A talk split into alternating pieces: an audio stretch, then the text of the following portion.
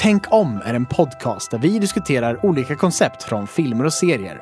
Mitt namn är Robin. Och mitt namn är Albin och vi ställer oss frågan Tänk om. Så Albin, Mm. filmen Limitless är en väldigt bra film, eller hur? Det, den, har, den har inga gränser. Nej, precis. Men det är inte riktigt den filmen vi har tittat på senaste tiden. Nej. Nej, för vi, vi såg att det fanns en serie som hette Limitless. Ja, Som liksom är, man kan säga, den är på samma våglängd. Exakt. Men eh, så vi har då tittat på lite av den här serien då. Mm. Limitless istället. Serien som filmen handlar om att det är en kille som, Bradley får, Cooper. som, som tar ett piller och då blir supersmart. Och det har ju fått oss att ställa frågan, tänk om piller gjorde oss supersmarta? Vi kan ju börja prata om serien som har en lite liknande story som filmen då. Så ska vi börja gå igenom de eh, två första avsnitten tycker jag av serien. Vi kommer helt enkelt börja berätta lite kring hur första avsnittet är och sen andra avsnittet. Mm. För första är det som en pilot som egentligen sätter upp eh, hela seriens upplägg. Ja. Eh, den är lite av en, en eh, kopia av filmen då. Ja. Eh, så att eh, vill ni inte bli spoilade får ni se till att se de första två avsnitten innan ni kanske lyssnar vidare då. Mm. I eh, Limitless då, serien, så får vi följa en kille som heter Brian Finch. Mm. Eh, och man kan säga att avsnittet, först pilotavsnittet börjar med att han eh, Avsnittet börjar med att han har kommit i en liten, han har kommit i en liten jobbig sits. Mm. Eh, han är jagad av FBI eh, och eh, befinner sig mitt framför en, eh, ett tåg som åker mot honom i hög hastighet. Ja. Och då kommer en voiceover då som säger att, som när han berättar att vi backar tillbaka lite så ska jag berätta hur jag har kommit hit. Liksom. Jag är ingen jag är ingen bad guy som ni kanske tror. Det är, liksom, det är så, så serien börjar då. Så vi hoppar tillbaka eh, och då får vi se eh, som Brian eh, sitter vid middagsbordet tillsammans med sin familj. Och de har ju, de pratar lite om vad de, de olika familjen vad de har åstadkommit av för visioner och mål i livet och så. Mm. Men Brian själv, som är en musiker, han eh, har lite problem att få sin, sin nya album att det ska bli någonting av hans nya album helt Ja. enkelt. Och han, han var tidigare med i ett band eh, och det här bandet har, eh, eh, de har liksom splittrats. Så just nu så mår han inte så bra kring det här att han vill liksom slå igenom med musiken men hans band har splittrats och han försöker på egen hand men det går inte så bra helt enkelt. Nej, precis. Lite till skillnad från hans eh, syskon då så har han liksom stannat kvar och inte riktigt gjort någonting av sitt liv. Mm, som, han- som han känner det då. Så. Mm. Och för att göra det hela värre då så hans pappa eh, har en, eh, en sjukdom som de inte riktigt vet vad, de vet inte riktigt vad som är fel på honom. Nej. Han har någon mystisk sjukdom. Mm. Och eh, Brians livssituation just nu är att han måste ha ett, ett temporärt jobb på en stor bank där han ska sortera ansökningar för lån helt enkelt. Mm. 22 000 ansökningar ska han, ska han eh, sortera då, så det, det är det han har fått som uppgift. Ganska, ganska jobbig task helt enkelt. Så i alla fall, det är liksom hans situation just där vi börjar Limitless då. Ja. Eh, och då är det så att han träffar på en av sina gamla vänner, Mm. Eli. Och det var alltså en som var med i det här bandet som de, Ja, ja. han var med i tidigare då. Mm. Och han har nu blivit en Wall Street hotshot kan man säga. Han är liksom, har kli- klivit upp och blivit en riktig, ja men han, han tjänar bra pengar och har ett bra jobb helt enkelt. Mm. Och han då säger till Brian att jag har ett piller som om du tar det här då kommer du verkligen få, få fart på ditt liv. Du kommer få Liksom, det kommer gå bättre för dig då. Mm. För Brian förklarar då för Eli att ah, men det går inte så bra med det här med, med, skriv, med bandet. Nej, precis. så. Och ja, han går med på att ta det här pillret helt enkelt. Mm.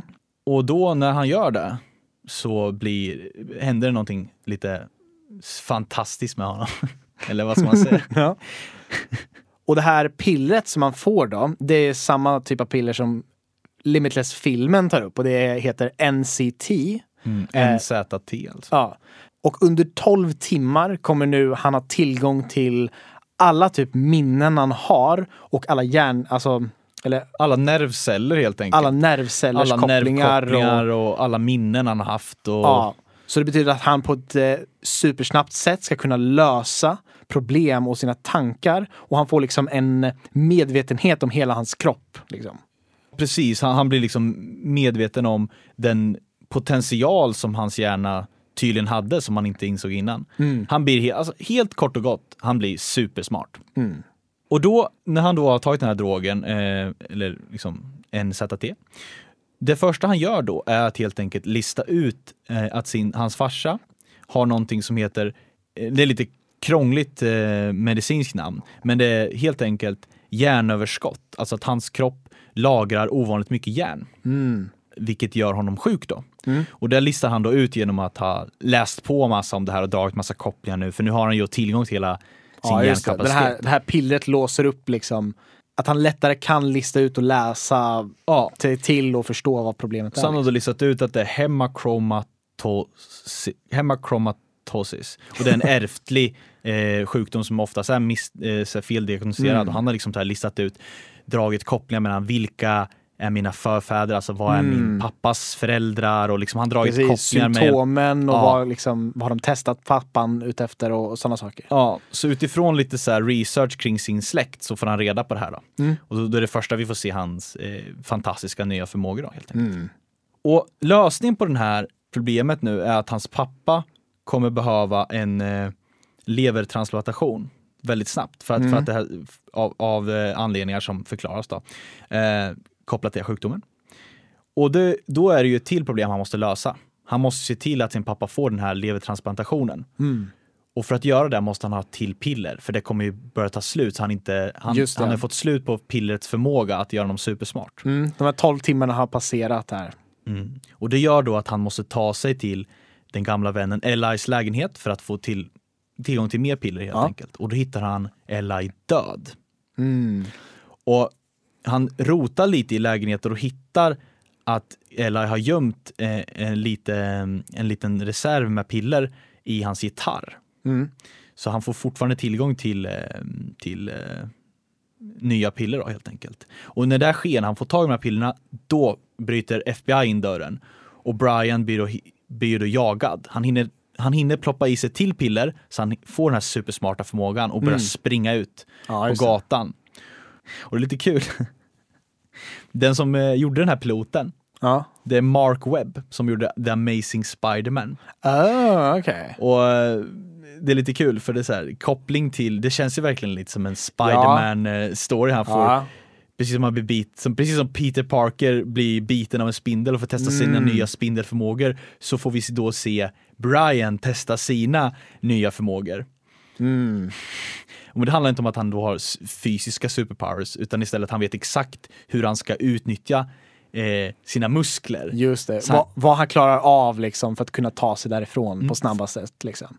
Och där kan man ju se han då till exempel hur han kan hoppa ner till balkonger och veta hur mycket behöver han ta, ta tag i för att hå- hålla kvar greppet och kunna ta sig ner och liksom hur han kan se eh, bilar komma och räkna ut när ska han springa, hur snabbt ska han springa för att kunna springa rakt över gatan utan att bli påträffad och sådana saker. Pre- precis, utan att han ska bli träffad och eh, som, en, eh, som en liten fin, eh, som en liten Peter Parker utan eh, tråd.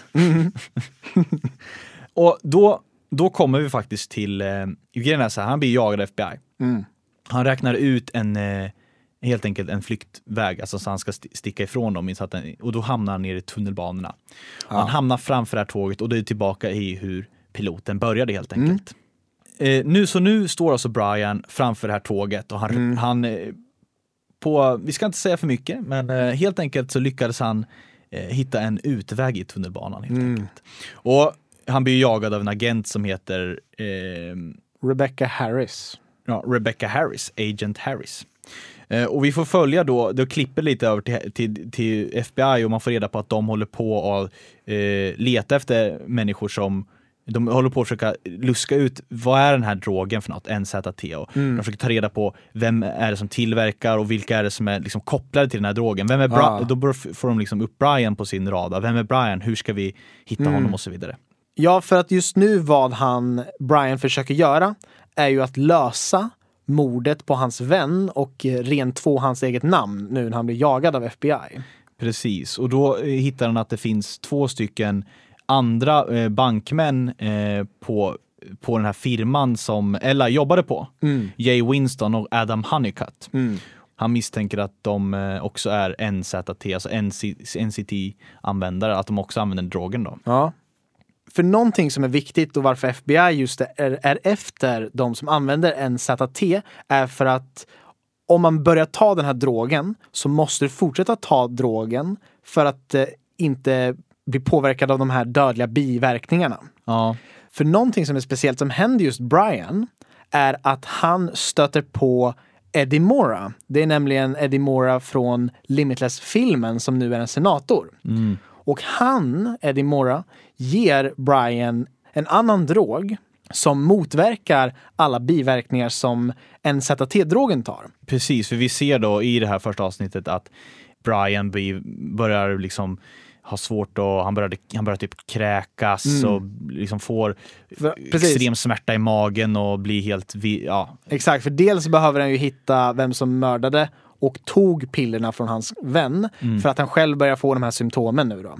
Men nu så kommer då Eddie från Limitless-filmen och kommer här med en eh, drog som motverkar de effekterna.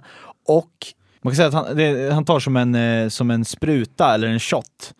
Eh, som egentligen tar bort alla eh, sideffekter. För han berättar Ah. ju för Brian att jag, liksom, eh, jag har hållit koll på dig ett tag nu. Jag har liksom trackat dig och sett eh, där du hållit på med. Liksom. mm, Eh, så, och sen så säger han då helt enkelt, säger Eddie Moore att eh, du tar det här men får se till att det här inte kommer ut till allmänheten. Liksom. ja, just det. Så att, att han, Brian, får det här mot, vad säger man, mot drogen eller antidrogen. Ja, ja, vaccin kan vi väl kalla det. Vaccinet kan vi säga. Typ så, här. Eh, så gör att han, får, han kan använda sig av pillret utan att eh, ta någon skada utav det. Och så Brian har då, han är ju jagad av FBI och han har nu börjat eh, nysta upp i trådarna kring vem som har begått det här mordet eller inte. Och sen då var han ju iväg, eller träffade han på Eddie Mora. Och sen när han varit hos Eddie Mora så eh, tar han ju kontakt med eh, FBI och, och ho- hon agenten, eh, Reb, eh, hon agenten igen då. Vad heter hon? Rebecca Harris. Ja, tar, han tar kontakt med Rebecca Harris igen då. Mm. Och tillsammans, eller liksom, han hjälper helt enkelt FBI att lösa det här mordet. Mm. Att det inte var han. Eh, och de får också reda på att han är immun eh, kring det här NZT, att han inte Ja, blir just det. påverkad. Och då får de upp intresset, speciellt då mycket tack vare hon, eh, agenten, så får han helt enkelt en plats att jobba som konsult för FBI. Och man kan säga att det är det som är upplägget helt enkelt Mm. Ja, för, det. för eh, serien. Och eh, ett, liksom en... Eh, Brian, eh, först är han ju inte så villig att hjälpa FBI då. Men han går med på att göra det för att helt enkelt få eh, stå före i kön för en levertran- eh, levertransplantation för hans farsa. Ja. Så det, det- kan vi säga är väl upplägget för, för serien då. Ja, precis. Så att Brian hjälper FBI med att lösa fall och sånt genom att använda NZT-drogen.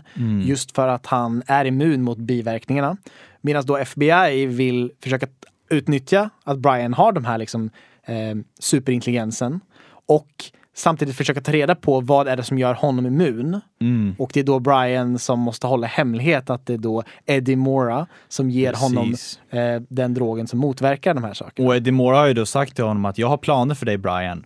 Så att man kan säga att Brian är också, man kan säga att Brian är mellan FBI och Eddie Moras eh, händer. Exakt. Och så är han ju supersmart och ja, det behöver jag inte säga. Ja, men okej, så det här, är- Eh, man kan ju säga grundkonceptet är ju det att eh, Brian då kan låsa upp en nivå på intelligens som vi normalt inte har. Typ, så här, kan säga. Och han använder ju den här intelligensen på väldigt många olika sätt. Inte bara genom att typ vara smart och logiskt kunna läsa, liksom, lösa saker. Men liksom hur han kan använda sig av kroppen och eh, hur han använder sig av minnen och Ja, för- rytm och känsla. Mycket Ja. sådana saker. Våran tänk om-fråga handlar ju väldigt mycket om, liksom, det handlar ju om piller gör oss supersmarta. Men smarthet eller intelli- intelligens, det är ju en väldigt så här, svårdefinierad grej. Ja, exakt. kan det vara liksom. Och man kanske, man kanske har vissa tankar kring vad, vad intelligens är. Ja, exakt. Och vi, vi tänkte liksom som en, som en grund för avsnittet då att eh, gå igenom, för det finns en eh, psykolog eh, som heter Howard Gardner. Han har utvecklat en teori om att det finns eh, flera olika typer av intelligenser. Eh, och, det, och det finns enligt Howard Gardner nio, eller rent utav ännu mer, nio stycken intelligenser som han har radat upp Mm. eh, i böcker och föreläsningar och sånt vi har hört från Howard Gardner. Vi, Ja. vi, vi utgår från eh, helt enkelt, vi kommer länka i podcastbeskrivningen, kommer vi Ja. länka en film från Howard Gardner när han pratar i ett klipp på, från Big Think. Ja, just det. Så han förklarar lite vad det här går ut på, liksom. Ja. Vad hans teori om intelligenserna är för någonting. Precis, och vi kan väl liksom innan vi går in på att berätta de olika intelligenserna, Mm. för att eh, vi kommer gå igenom nio stycken, så kan vi säga att det är egentligen inte antalet som spelar roll, för det kan finnas fler. Och från Ja. början när Gardner började med de här teorierna, då fanns det bara sju. Eh, och sen så har det lagts till två stycken till då, så Ja, ja. lite senare. Och han har även förslag på att det skulle kunna vara ännu fler. Ja, ja. Men nyckeln är att tidigare har vi sett på intelligens som något mycket mer snävt. Ja. Nu finns det, det finns många olika sätt och perspektiv på att se på intelligens. ja. Och det är nio stycken som vi tänkte då gå igenom här och prata lite omkring. Då. Mm, nio Eh. stycken eh, intelligenser. Exakt. Så att den första heter lingvistisk intelligens eller språklig intelligens. Mm. Eh, och väldigt lätt förklarligt så hamnar det på att eh, vara duktig på att kunna tala, läsa och skriva. Det handlar liksom hur skicklig en person är på att använda språket verbalt och skriftligt. Liksom. Och det ser vi till exempel mycket i skolan, det här med språkkunskaper, lära oss andra språk, att skriva och att tala när vi liksom redovisar och pratar inför folk. Precis. Att göra en podcast till exempel eh, kan man ju se som. Då måste man träna upp sin lingvistiska intelligens. Exakt, exakt. Och vi tänker så här, vi kan ju dra lite kopplingar samtidigt till serien som visar upp de här olika in- intelligenserna. För det jag tänker på då är ju när eh, Brian då reser runt till de olika ställena för att kunna lösa det här fallet som han står inför. Så träffar han ju på folk på bussar och sådana saker. Och han börjar prata och löser folks problem, deras relationer och hur de ska tänka inför livet och sin karriärval och sådana saker. Han liksom för en dialog och liksom så här Precis, och han är väldigt duktig på, på att läsa väldigt mycket på, på internet. Så han läser, ju, läser Exakt. sig fram till olika lösningar. Och eh, han visar både på att han kan kommunicera eh, med som du berättade och sen Ja. då man får se honom läsa och eh, Som han löser med sin fars sjukdom till exempel. Ja. Att han läser vad är det här för sjukdom, vad är det för symptom och kan dra kopplingar med det. Liksom så här. Precis. Och den, den grejen kommer då faktiskt egentligen in på nästa. Exakt. Och det är då logisk och matematisk intelligens.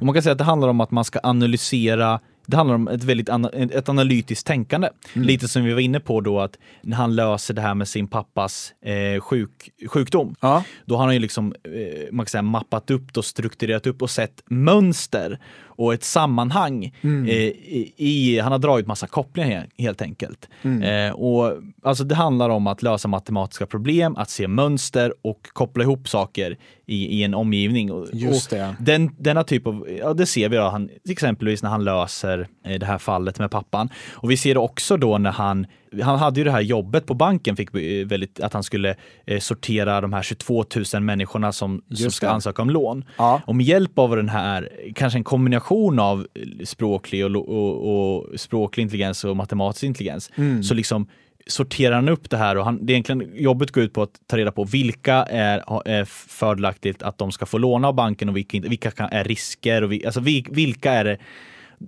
när det handlar om att låna pengar så vill banken bedöma, kan de betala tillbaka? Så Ja, just är det. det här, vad är det för risker? Exakt. Sen använder sig av den här intelligensen för att snabbt sortera upp i, i olika högar kring liksom, han sorterar helt enkelt upp och ser mönster i. Det här är de in- individerna som ni ska satsa på, det här är de ni inte ska satsa på. Mm.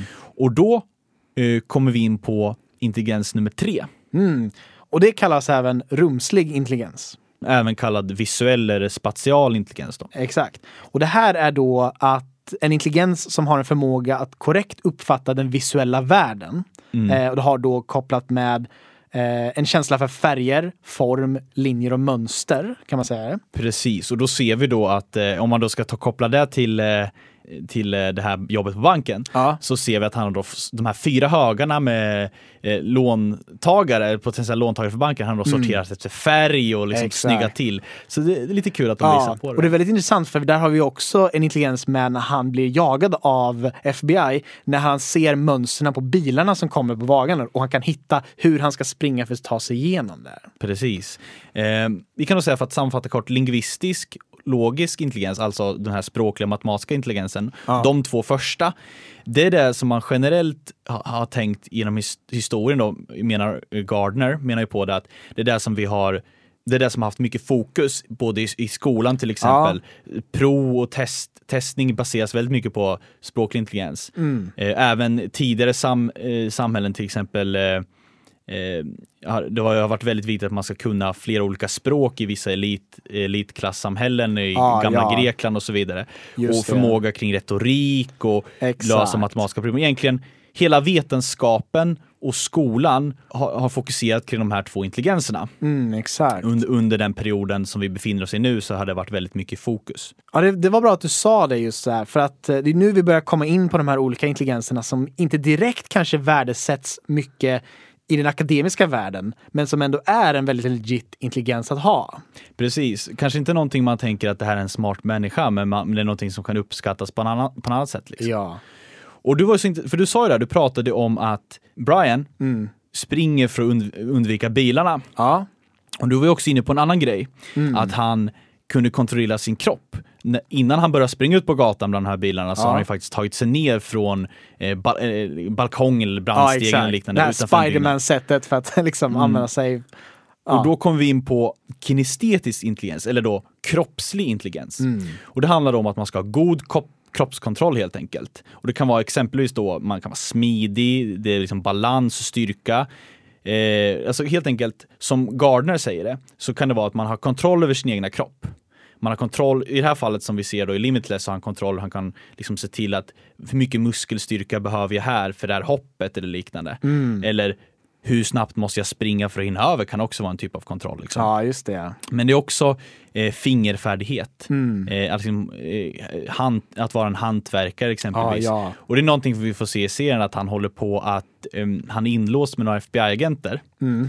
Och då är han lite uttråkad så bygger han fina konstruktioner och han gör liksom modeller av dem. Ja. Han gör som, det är liksom två FBI-agenter som ska vakta honom. Mm. Och han gör som så här, med hjälp av papper och lite färg så gör han liksom två stycken miniatyrer av dem. Men han visar på den här Han visar på den där, exakt. Kropp, kinestetiska intelligensen. exakt, kroppsliga liksom kontrollen. Mm, fingerfärdigheten och Mm. liksom.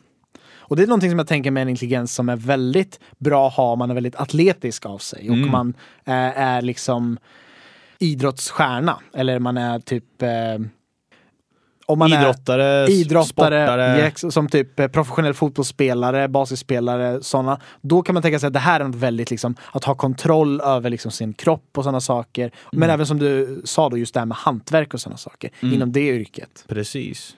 För någonting annat som också visas i serien, som Brian då, är att han försöker ha ett band och han har det musikaliska. Eh, och då kommer vi in på nästa intelligens med musikalisk intelligens. Mm. Och det här eh, handlar då om att lyssna och själv kunna skapa musik. Och det har liksom att ha en känsla för melodi och rytm och klang och eh, tonhöjning i ett liksom musikstycke. Ja, alltså helt enkelt att förstå sig på musti- musik. Eh, Mm. eh, och det är ju någonting vi får se Brian, liksom, han, är ju i- med i ett band och sådär. Mm. Men nu får vi då se honom sitta med gitarren och, och göra sjuka solos eh, mitt bland folk och han får värsta Wow, folkmassan världens runt publik liksom. Och bara, Ja. Han kör det så bra liksom. Så han blir ännu bättre nu helt enkelt. Ja. Och det är också, han är även ute bland folk och eh, spelar, han spelar schack mot typ åtta stycken samtidigt, likt liksom Kasparov, mästaren i schack, som vi känner igen från Ryssland. Är han från, Ja. liksom. eh, det, det gör han också ute bland folk, samtidigt som det vill säga att han pratar och löser folks problem. Han Mm. tipsar folk om böcker och ja, Ja. han, han är verkligen, han visar på alla de här olika intelligenserna vi gått igenom tidigare får vi ju även se honom ute bland människorna helt enkelt. Mhm. Eh, uppskattas ju av eh, de flesta. Ja. Och för då, för det, det kom vi in på det. På tal om att han är ute bland folk och sådär. Mm. Yes. Eh, social intelligens är då nummer sex. Mm. Eh, så vi har gått igenom eh, fem stycken och nu är vi inne på den sjätte. Mhm. Och det handlar helt enkelt om alltså det innebär att kunna vara duktig i sociala sammanhang. Mm. Exempelvis ha koll på sin omgivning, exemp exempelvis här, hur, är hur är någon annans röstläge, ansiktsuttryck och vad gör människor för gester? Ja, ja. Hur kan jag förstå de här människorna? Vad vill de? Eh, vad, hur känner de? Eh, och liksom, man har en empatisk förmåga, så man kan sätta sig in i folks känslor Ja. och beteenden och förstå andra människor. Exakt.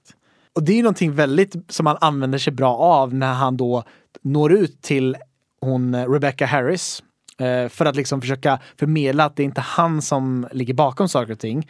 Eh, Och då liksom får henne att tro på att han då kan lösa vem som faktiskt har begått det här mordet.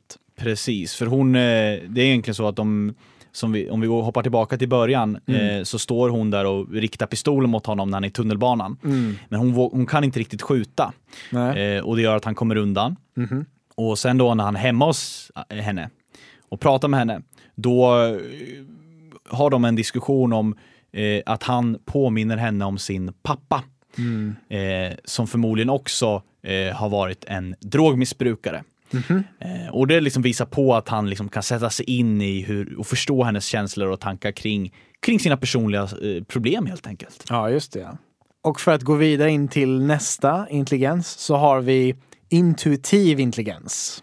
Precis, även kallad personlig intelligens. Mm, och det här handlar då om att kunna trivas med att arbeta självständigt och ha liksom en god kontakt med sitt inre jag. Till skillnad från den sociala intelligensen så handlar den, eh, den eh, personliga intelligensen om att förstå sig själv. Och det är någonting som eh, eh, vi kan återkomma till lite senare tänker jag. När vi Ja. eh, i liksom så. Och den här personlig intelligens har ju mycket kopplat till det här kunnat arbeta självständigt då. Och det är ju någonting som vi definitivt ser Brian få göra mycket här. Lösa Precis. olika fallen, vad som har hänt, men också lite hur han från början får arbeta med FBI när han liksom inte riktigt får vara ute på Precis. brottsplatserna då. Och det handlar om att man liksom har bra kontakt med sig själv, förstår Mm. sina känslor och reaktioner. Och det är frågan om vi, om vi får se så mycket av det i Limitless. Ja. Så vi kan ju börja röra oss på de här två sista som jag tänkt gå igenom. Då. Precis, för nu har vi gått igenom sju stycken intelligenser. Mm. Och det var egentligen de eh, som ha, eh, Gardner först eh, tog fram då kan man säga. Ja. Och den tog han fram i sin första, det var då 1983 han tog fram den här i, i boken Frames of Mind, The Theory of Multiple Intelligences. Och han definierar de här nio intelligenserna, så han la till de här andra två. Det var ni- 1996 och 2001 så finns det eh, böcker. Första då, den åttonde tog han fram 1996 och den nionde 2001. Så det, det, de har liksom helt enkelt kommit fram lite senare och det, det är värt att po poängtera just för att det kan komma fler i framtiden och just det. det. kan ändras om. För det här är egentligen olika sätt att se på intelligens. Det finns liksom ingen absolut sanning utan det är ett sätt att förstå. Ja, helt enkelt. exakt. Ett perspektiv på världen. Helt. Så den eh, första av de här två som har kommit fram eh, heter naturintelligens. Eh, det innebär att en person då har ett mer kunskap och intresse för djur och natur. Och hur olika sammanhang hänger ihop då i naturen. Precis, och det är lite intressant. För att det var väl inte så mycket vi såg på, vi, vi såg inte så mycket på det här exemplet i Limitless. Nej. Det var en intelligens som var väldigt användbar förr i tiden. Ja. För den handlar om att vara uppmärksam på exempelvis vad, eh, om vi då lever på, eh, i ett eh, eh, jägarsamhälle till exempel. Ja. Eh, jägar, man ska sam, samla in mat och man lever i, i det vilda. Exakt. Då måste man ha koll på sin omgivning. Vad finns det för djur? Vad finns det för natur? Alltså vad finns helt enkelt, vad finns det för ätbara växter? Eh, vart eh, finns rovdjur? Alltså helt enkelt ha koll på naturen och förstå Ja. sitt sammanhang i Ja. naturen. Och förstå det här, ja, men om vi ska, skulle kunna koppla till Lejonkungen, förstå att du är Ja. del av eh, livets cirkel, the Exakt. circle of life. Ja, men liksom, det skulle jag säga är ett Ja. exempel ja, men det är väl en bra förklaring på det skulle jag säga. Mm, mm. Och den andra av de här då som eh, har kommit till eh, kallas då existensintelligens. Mm. Eller existentiell intelligens. Och det kan man säga är att man då har ett förståelse eller intresse för de här stora livsfrågorna. Det här reflekterandet över livet och döden och religion och filosofi speciellt. Ja, alltså he- helt enkelt de stora frågorna i livet, det här spekulativa. Eh, och helt enkelt, eh, man, man går in i det lite flummiga filosofisfären. Och det är ju liksom en, någonting som Howard Gardner säger att det, det är lite så här den här intelligensen är lite svår att få acceptans från många olika fält och sådär. Ja, ja. Eh, men det är någonting jag ändå tycker att, att eh, vi får se på, någon, på något sätt. Jag vet inte om det kanske det, för han sitter ju och mediterar och så lite. ja. Jag vet inte om det, det är kanske inte att han eh, jagar de här stora livsfrågorna egentligen, utan för vi får se då att Brian sitter och mediterar, men det han gör egentligen är väl att han går väl in i sig själv mer skulle jag säga. Ja. Det är väl mer den här intuitiva Det, det, ja, exakt. Så det är väl än så länge, för vi har ju bara sett två avsnitt, men än så länge har vi liksom känt att de två intelligenserna har saknats lite i serien. Det har inte Exakt. varit något tydligt, vi har inte fått sett något tydligt. Nej, vi får se om de dyker upp. Mm. För Howard eh, Gardner, han tar även upp att nat naturintelligensen kan Mm. vara exempelvis, om vi nu inte befinner oss i skogen eh, och ska hålla koll på djur och växtliv och så, Ja. så kan det vara att hålla koll på mode, kläder, alltså design, vad som är snyggt. Ja. Eh, och det är väl heller ingenting vi har märkt av eh, i dem. Han har inte Nej. bytt klädstil eller Nej, någonting sånt. precis. Så fortfarande där, för att eh, som, för som Howard Gardner säger, de här intelligenserna har ju liksom använts eller liksom utnyttjats av människan genom olika samhällen, genom olika tider, tidsepoker och sådär. Det har Mm. varit liksom vissa kanske rankats högre och så vidare. Men Mm. att de också eh, kan ändra sig i form, att det kanske grundar sig i en viss sak. Mm. Eh, som då till exempel att hålla koll på vilka bär du kan äta har nu blivit, Ja. vilket, vilket klädesplagg ska du ha till den här middagen. Exakt. Och han menar då på här, Gardner menar på att eh, man kan se varianter av egentligen, eh, eh, man kan se olika varianter av den här intelligensen också. Mm. Så det kan ju vara så att vi har, eh, det kanske är någon existensintelligens som vi inte uppfattade i, i Limitless. Nej. Eller en naturintelligens. Mm. Så då får ni gärna hojta till om vi har missat någonting. Det vore jättekul. Ja, Men någonting som jag tycker är väldigt intressant just med, som den här Limitless då tar upp. Och om vi tänker oss på den här frågan, tänk om piller gjorde oss supersmarta. Det handlar ju om att låsa upp all den här intelligensen av alla de här olika områdena. För någonting som är liksom, människor är väldigt intelligenta varelser. Och vi har alla möjlighet till att uppnå de här höga nivåerna av intelligens. Då.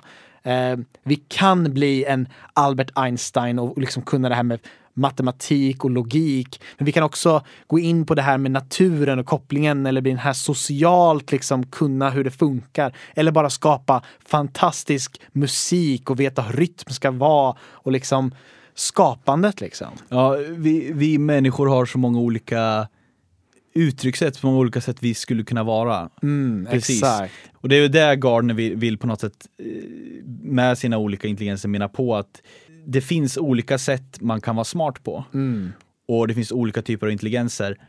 Och då har ju Limitless då visat en viss, de har visat upp vissa delar, vissa spektrum av den här intelligensen som vi människor kan ha, men Ja. också massa saker som inte har tagits med då helt Nej, enkelt. precis, precis. Och någonting som jag också tycker är väldigt intressant som då Limitless-serien visar upp när han använder mycket av de här andra intelligenserna än de som är prioriterade till exempel i skolan då, är att det finns ett väldigt värde bakom det. Man kan ju annars tycka att det här språkliga intelligensen och den här matematiskt-logiska intelligensen som är mycket det som vi får lära oss inom skolan, att det är de som på något sätt vis har högre prioritering än de andra. Men om vi liksom så här tänker oss lite ur samhället och sånt så finns ju områden som till exempel proffsidrottsstjärnor, eh, som musiker, där de andra typerna av intelligenserna har ett väldigt stort värde. Pre- precis. Eh, och jag tänker att det handlar väl också mycket om hur man väljer att se på det. Mm. För att, eh, att vi ser dem matematisk eller liksom lingvistisk eh, språklig intelligens, alltså Ja. matematisk och språklig intelligens, att vi ser dem som på något sätt det som för samhället framåt. Vi ska Ja. liksom komma med nya lösningar, vetenskapen ska liksom eh, vetenskap och eko, eh, alltså ekonomi, eh, alltså helt enkelt alltså kapitalism och eh, hela drivkraften för vårt samhälle liksom, Ja. ska, bygger ju på mycket kring språklig och matematisk intelligens. Mm. Eh, och då är väl kanske det att man då, det bygger liksom kanske väldigt mycket vårt samhälle på. Och Mm. anledningen till att samhället kanske känner, eller om vi säger att samhället är någonting eftersträ- som eftersträvar det här, då är det ju att helt enkelt de människor som uppvisar de här förmågorna, de kallar man smarta. Mm. Medans musiker eller idrottare, de kallar man ju inte smarta på det sättet. Det, det är Nej. inte någonting man hör, utan då, då hör man ju mer talang. Exakt. Man hör, ja, alltså det, det blir ju en liten, en liten skillnad där. Ja, ja, precis. Att man tycker liksom att det där är någonting som man bara har dedikerat liksom sin träning eller föds med medan intelligens är någonting man liksom har liksom jobbat sig, förtjänat sig fram genom att liksom studera och följa liksom utbildningen och det liksom spåret. En grej jag gillar med Limitless-serien mm. är att den faktiskt eh, tar upp eh, mer än bara, för man, man, tänker då kanske själva plotten från början, liksom, oh, men ja. han ska bli supersmart. Att då kommer det vara språklig och matematisk intelligens. Ja, men den tar faktiskt upp eh, nästan hela spektrat. I alla, fall, I alla fall, vi har ju ändå sett att det är sju av de här intelligenserna som, som dyker upp. Och det, det, tycker jag är väldigt, eh, det tycker jag är väldigt kul. Ja, eh, det, det, öppnar ju upp för många möjligheter kring eh, kring hur han ska kunna lösa de här fallen. Då. Mm, än så länge är det en säsong som har släppts och vi ska ju fortsätta se. Mm. Men mm, det båda gott. Ja, exakt. Det var, jag kom på en sak Albin, du nämnde ju någonting lite grann till mig innan avsnittet som har kopplat med att vi liksom kunde ta någon typ av piller och liksom då fokusera bättre eller liksom om vi vill göra test och sådana saker.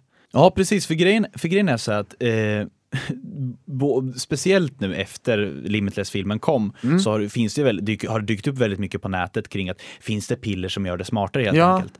Eh, och eh, jag har läst runt lite. Jag dels var inne på, på en hemsida som heter Medical Daily. Vi har en artikel där. Mm. Då har de eh, eh skrivit lite om ett, eh, en drog som heter Modafinil. Ah, okay. Och det är intressant, dels för att i Limitless nämner han Eli Eh, som är eh, alltså vännen då, som, mm. i, som, som introducerar honom till NZT. Han ja. nämner att ah, men det här är ungefär som modafinil. Mm. Och det är egentligen en, en, en ett, man tar, det är som en drog, eh, eller medicin kan man säga, som man tar mot narkolepsi. Det är om man har då eh, man har problem att eh, hålla sig vaken. Okay. Eh, det finns ju lite olika varianter på det. Mm. Och det används då för att man ska kunna hålla sig vaken och då har de testat att ge det till människor som egentligen är hälsosamma. Ah. Och gjort lite tester kring att de har, eh, om de har fått bättre om de har blivit smartare, kunnat prestera bättre på prov och så vidare. Ja. Eh, och sen finns det lite andra droger, eh, exempelvis, eller, eller mediciner då, Adderall eller Ritalin. Mm. Och det är mm. så vanliga för ADHD. Och det är också någonting, man kan säga att sammanfattning för alla de här drogerna finns det lite olika namn och sådär. Många människor tar de här för att öka koncentrationen eller öka sitt fokus, sin vakenhet liksom. Ja. Det finns också då andra typer av droger eller mediciner som eh, används för Alzheimer-patienter, till exempel Ericept, Remenyl, Exelon. Nu nämner vi massa så piller och sånt, nu handlar det inte om att vi vill uppmuntra folk att ta de här. Eh, för mycket av de här studierna tyder på att det inte alls eh, eh funkar. Man har alltså gjort, eh, man har testat ge folk piller och sen har man ju testat folk ge folk, alltså man har testat folk ge sockerpiller mm. och, och de här preparaten då. I den här, just den här studien fokuserade på modafinil då, som de nämner ja. i Limitless. Men att det, det tyder på att det inte alls gör att man presterar bättre. Men eh, det kan ha en viss typ att du kan vara mer vaken, ungefär. Det kanske ger typ samma effekt som en kopp kaffe, liksom koffein. Mm. Som typ, mm. och koffein är ju redan, alltså koffein idag kan man ju dricka kaffe för att ja. bli lite mer piggare ja, ja. och kanske dricker, eh, när, när typ så här elever pluggar och så, så kan man använda sig av socker och man kan använda just sig av, av koffein och olika preparat för att kanske hålla sig mer koncentrerad. Men det finns liksom inget som tyder på att eh, man kan bli smart av det, utan snarare ah, kanske då okay. ja, ja. I, i, värsta fall, eller i bästa fall snarare, så kan det vara liksom att man blir mer koncentrerad och håller sig vaken. Mm. Eh, och man har ju läst runt att det finns lite olika preparat som folk tar för att egentligen hålla sig vaken en hel natt när de ska plugga. Okay. Men det handlar inte, det handlar inte om liksom, som det mesta tyder på, man, det finns inga liksom, som man vet, i alla fall inte som jag har sett, nej. droger som är eller mediciner som gör en smartare. Okay. Utan mer de här drogerna som finns för Alzheimers, eh, för ADHD eller för narkolepsi kan hjälpa mm. till med mm. koncentration och vakenhet men inte ah, smarthet. Då. Och det finns faktiskt jobb, jobbiga sideffekter. Eh, ångest och kräkningar, ungefär som vi ser i Limitless. Ja, ja, ja, okej, okay. som symptomen där ja, just det. Precis. Så att eh, folk har ju ett sug efter det här. Jag ja. menar, elever som har problem med skolan och vill, vill liksom klara sig inför ett prov, det är ett problem. Alltså, ja, det är precis, precis. finns ju, jag tror, det står till exempel att eh, i artikeln så, också, så nämner de också att de har gjort så här utskick, eh, frågeformulär och då ungefär en, en, en eh, 25 procent av alla college-studenter i USA har då använt Adderall eller Ritalin. Och det är som de som används för ADHD. Och sen är det även Modafinil då som jag nämnde. Det liksom har varit en favorit på Wall Street för att hålla koncentrationen och Ah, växla med aktier. Så det här är alltså, man ser redan idag att vi använder preparat för Mm. att försöka förstärka vår, vår mentala förmåga. Just det, öka intelligensen. Ja, vare sig det är ett kopp kaffe eller om det är ett piller. Ja, så, det. så, så det, det finns ju redan idag, vi använder typ av preparat för att eh, Mm. Nej, men jag vet att liksom ämnet eller, eller just tankarna bakom att kunna ta någonting och bli jättesmart är liksom någonting lockande. Mm. Det finns ju en halvbra film som heter Lucy Mm. från eh, 2014 som är väldigt eh, kopplad på samma sätt som Limitless är. Just att hon, Lucy, karaktären där, får i sig ett visst ämne, ett ny experimenterat ämne som gör att hon låser upp mer och mer av hennes hjärna och blir därför så himla mycket mer supersmart liksom, Mm. än mänskligt. Och jag tror vi har pratat om det, jag tror vi pratade om det i superhjälteavsnittet. Ja. Eh, att vi pratar, alltså just den här västerländska synen på att ta ett piller Mm. så eh, löser det alla dina, pro- alltså ta, en enkel fix. Ja. Det här är den här bantningskuren som löser alla dina problem. Ja, Eller det här det. är liksom den här metoden och sen så behöver du aldrig mer göra det här. Alltså helt Mm. enkelt eh, mycket i västvärlden, fokuset är på enkla lösningar. Ja. Medan man har sett då kanske mer i Asien eller liknande, Ja. att det handlar mer om en, en eh, inställning att man ska kämpa hårt och Ja. man ska bli smart genom att ägna sig väldigt mycket åt eh, hårt arbete och Ja. fokus. Just det. Och då eh, kan jag ju tipsa en, en, en, en film som jag tycker fångar väldigt bra det här med musikalisk intelligens och Ja. Mm. att faktiskt kämpa hårt för någonting. Eh, eh, det är ju eh, Whiplash, då är det en, en, en, Ja, en det, trummis ja. som eh, med hjälp av sin lärare eh, som piskar honom jäkligt hårt Mm. Eh, får honom att eh, liksom nå nya höjder med Just sin det, ja. musikaliska talang. Ja. Och, jag, och då kommer vi in på det här som jag tycker är lite intressant Ja. om man har ett piller som, som kan göra en supersmart eller liksom få en att bli bättre på att koncentrera sig, om man har en fallenhet för någonting. Eh, betyder det att man eh, faktiskt kommer att utnyttja det? Mm. Jag har lite svårt att formulera, men jag, jag tänker just att jag dels då någonting som Howard Gardner går in på. Ja.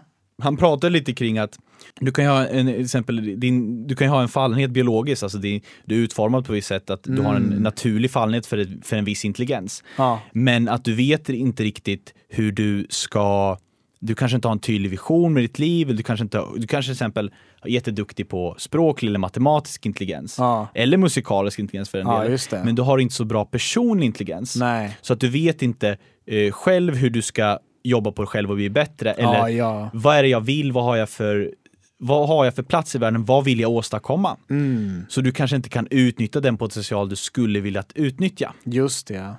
Liksom det, det jag försökte gå in på i alla fall, det handlar liksom, alltså det här med att man kanske har jag, jag, jag tänker att vi i väst har en kanske lite knepig syn på intelligens överlag. Att vi tänker att intelligens är någonting, antingen föds du med det och sen så är du, antingen är du geni i musik eller inte. Ja. Att vi, även då om vi ser att man tar ett piller så löser alla problem. Eller Mm. man är Peter Parker, blir biten av spinner helt plötsligt så kan man ta, ta hand om världen. Eller liksom Ja. jag, jag ser det som ett väldigt begränsat sätt att se på, Ja. på världen.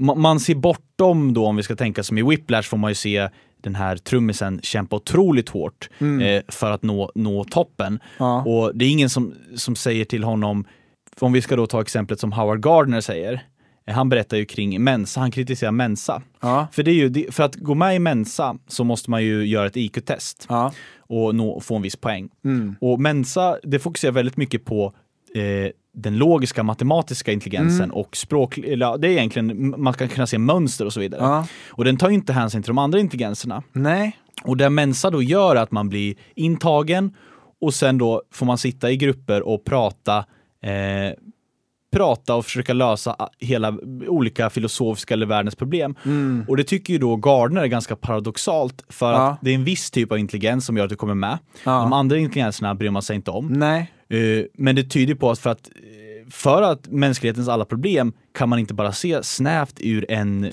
specifik Nej, intelligens. precis. Och det är någonting som jag tycker är väldigt intressant där kopplat till just med den här västerländska synen på intelligens. Är att vi hela tiden försöker mäta den på något sätt och vis, som ett test. Och om vi tittar på en språklig intelligens eller om vi tittar på den logisk matematiska intelligensen, ja, då har vi bra sätt att mäta den. Eh, som det här med, eh, Mensa... Ja, det finns i alla fall något sätt att mäta den på. Ja, ja precis. För det är typ det vi gör i skolan. Liksom. Mm. Hur många språk kan du? Hur duktig är du på grammati- grammatiken? Mm. Och sen med matematiska, logiska. Det går liksom att mäta. Men då glömmer vi bort just den här andra saken som kroppsliga eller sociala intelligensen som är så viktiga.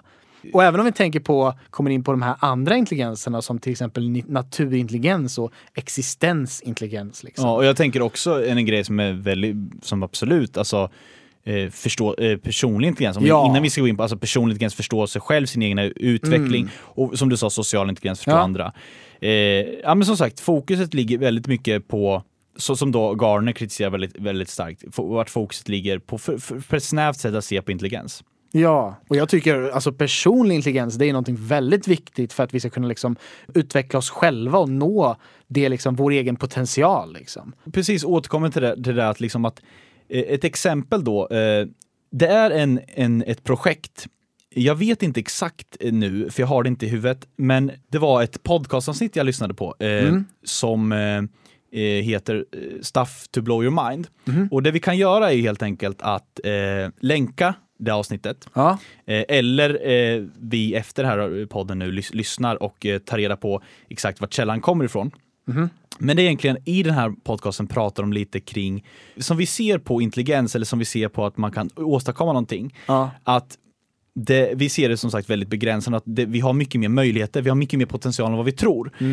Det handlar om, om vi tänker så här att om man inte känner att man är bra på exempelvis, man aldrig har dansat i hela sitt liv. Nej.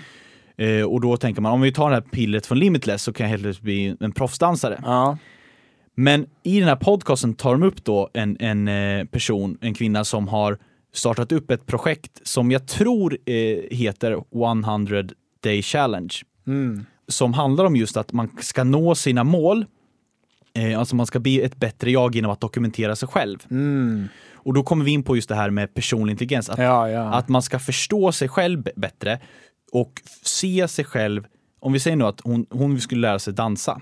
Mm. Så filmade hon sig själv varje dag under ett års tid och såg hennes hela tiden små, små förbättringar. Ja. Alltså man ser en långsam, långsam utveckling. Ja.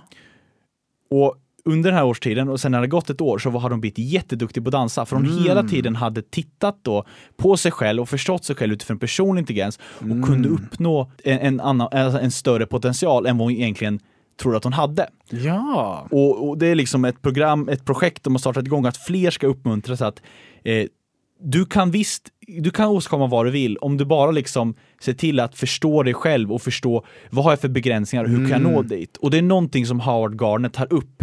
Eh, att det spelar ingen roll vad du har för liksom grundläggande hårdvara, hur smart det är. Nej. Utan det handlar mer om vad, att du har förmågan och visionen att faktiskt kunna utnyttja det. Mm.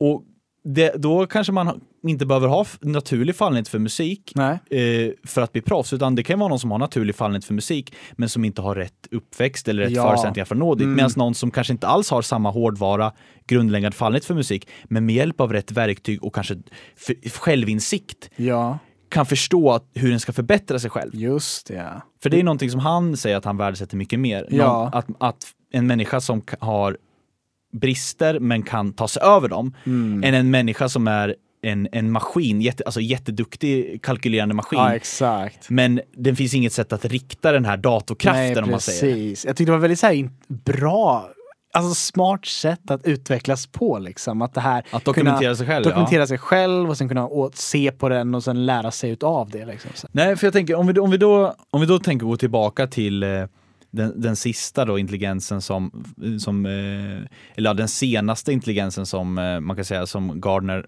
listade upp, den här existentiell, existentiell intelligens. Ja.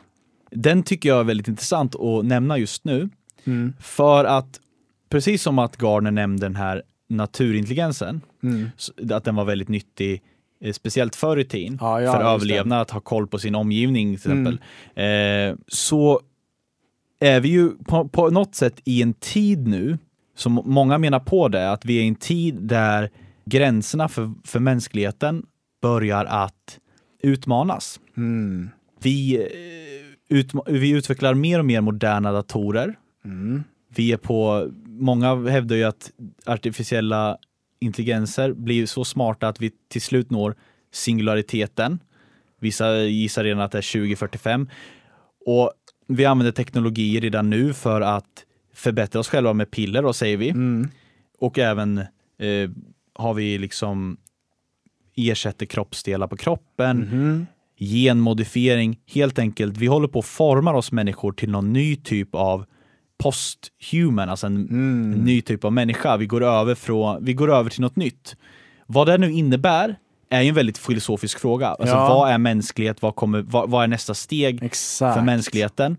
Och vad är det som är moraliskt och etiskt rätt när vi börjar modifiera oss själva? Mm. Och när kanske då maskiner, artificiella intelligenser, får medvetande som kanske kan likställas med oss människor. Ja. Vad har maskiner för rättigheter? Vad har människan för rättigheter? Helt enkelt, sådana här frågor, Mm. Eftersom vetenskapen och teknologiska utvecklingen bara går spikrakt uppåt, och Ja. det, liksom, det händer tiden nya saker. Det är så ny, mycket ny information. Mm. Och när det sker, då kräver det så mycket av just den här existentiella intelligensen, tänker jag. Mm. Vi formar om hela vår verklighetsbild, Ja. vår uppfattning, hur uppfattar vi oss själva och världen?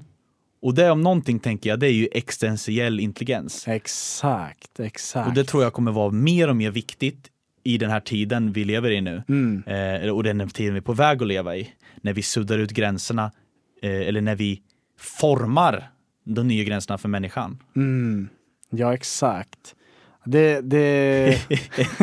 kanske, kanske lite flummigt. Nej, men tyckte Ja, men det var väldigt bra liksom existens, eller en intelligens som du visade upp där Albin. Det var det. Ja, exakt. Ja, men eh, efter allt det här prat om intelligens då, de olika sätten, vad, vad har vi lärt oss den här gången då, skulle du säga? Ah, jag glömde ta pillret. Eh, ingenting. Okej, what? Wow. Ah, shit, tänk om vi bara hade det där pillret alltså, då hade vi till slut kunnat lära oss någonting här. Men jag kan säga så här, det, det, det jag tycker är väldigt viktigt här. Vi tittar på språklig och logisk matematisk intelligens, det som prioriteras väldigt mycket i skolan och tänker det där är det som är att vara intelligent. Mm. Och det prioriteras ju även i, i arbetslivet och he, hela, hela den kapitalistiska systemet vi lever i helt enkelt. Ja, och det, det, vi får inte glömma bort att det finns de andra väldigt viktiga intelligenserna. Personlig intelligens, musikalisk intelligens och även den här existentiella intelligensen som kan vara otroligt viktigt för vår framtid här.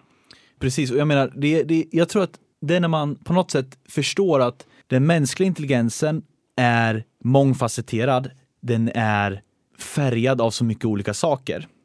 Jag menar, vi sitter här och pratar i en podcast. Självklart utnyttjar vi den språkliga intelligensen och pratar på och diskuterar. Ja. Men vi bygger också väldigt mycket när vi ställer frågan tänk om. Så tycker jag ändå att vi försöker på någonting sätt att gå in i den här nionde intelligensen. eh, existentiella intelligensen helt Ja.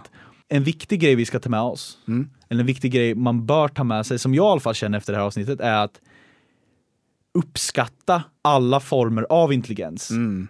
Och även fast man själv kanske har svårare att relatera till en viss typ, Ja. förstå att det är mycket större och mycket, mycket mer komplext än vad samhället kanske försöker säga, eller vad en viss typ av jobb försöker säga, eller vad en Ja. viss typ av system. Helt enkelt, vi människor är jätteduktiga på att strukturera upp och dela upp saker och ting. Men bilden är ju alltid större.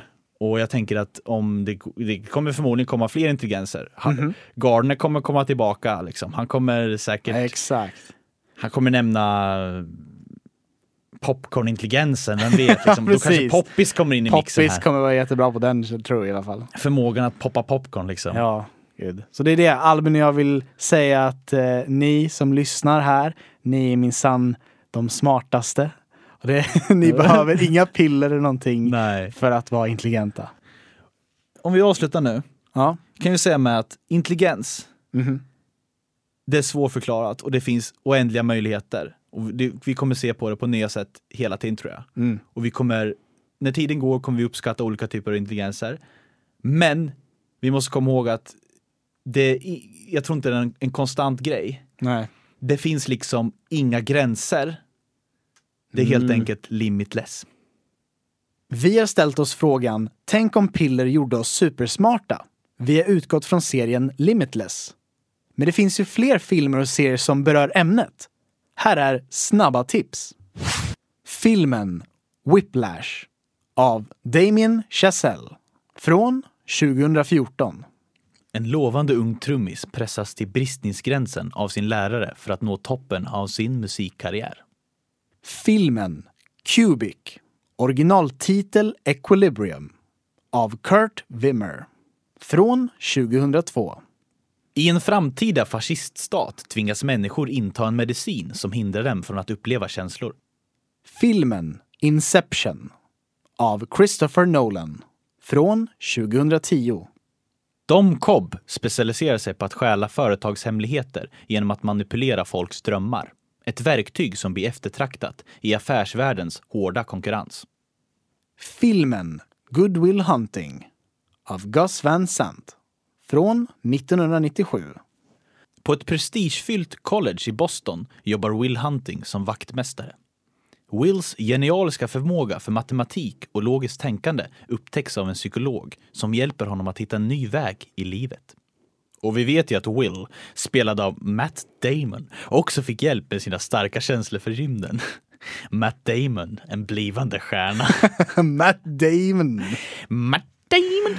Ah, det var några snabba tips från oss. Men inte från Matt Damon. Har du sett någon film eller tv-serie som du vill tipsa om? Vad har fått dig att tänka om? Det skulle vara jättekul att höra från dig. Nå oss via facebook.com tankompodcast eller vår hemsida tankompodcast.se. Mitt namn är Robin. Och mitt namn är Albin och du har lyssnat på Tänk om.